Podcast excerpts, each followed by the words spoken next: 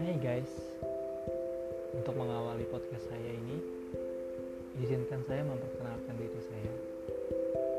Saya adalah seorang pria yang sedang berjuang di tengah derasnya arus realita yang masih memegang teguh mimpi-mimpi, impian, dan juga harapan. Saya ingin mencapai, menggapai semua itu mulai Oleh karena itu, izinkan saya berbagi pengalaman dan juga pemikiran kepada kalian semua. Stay tune ya.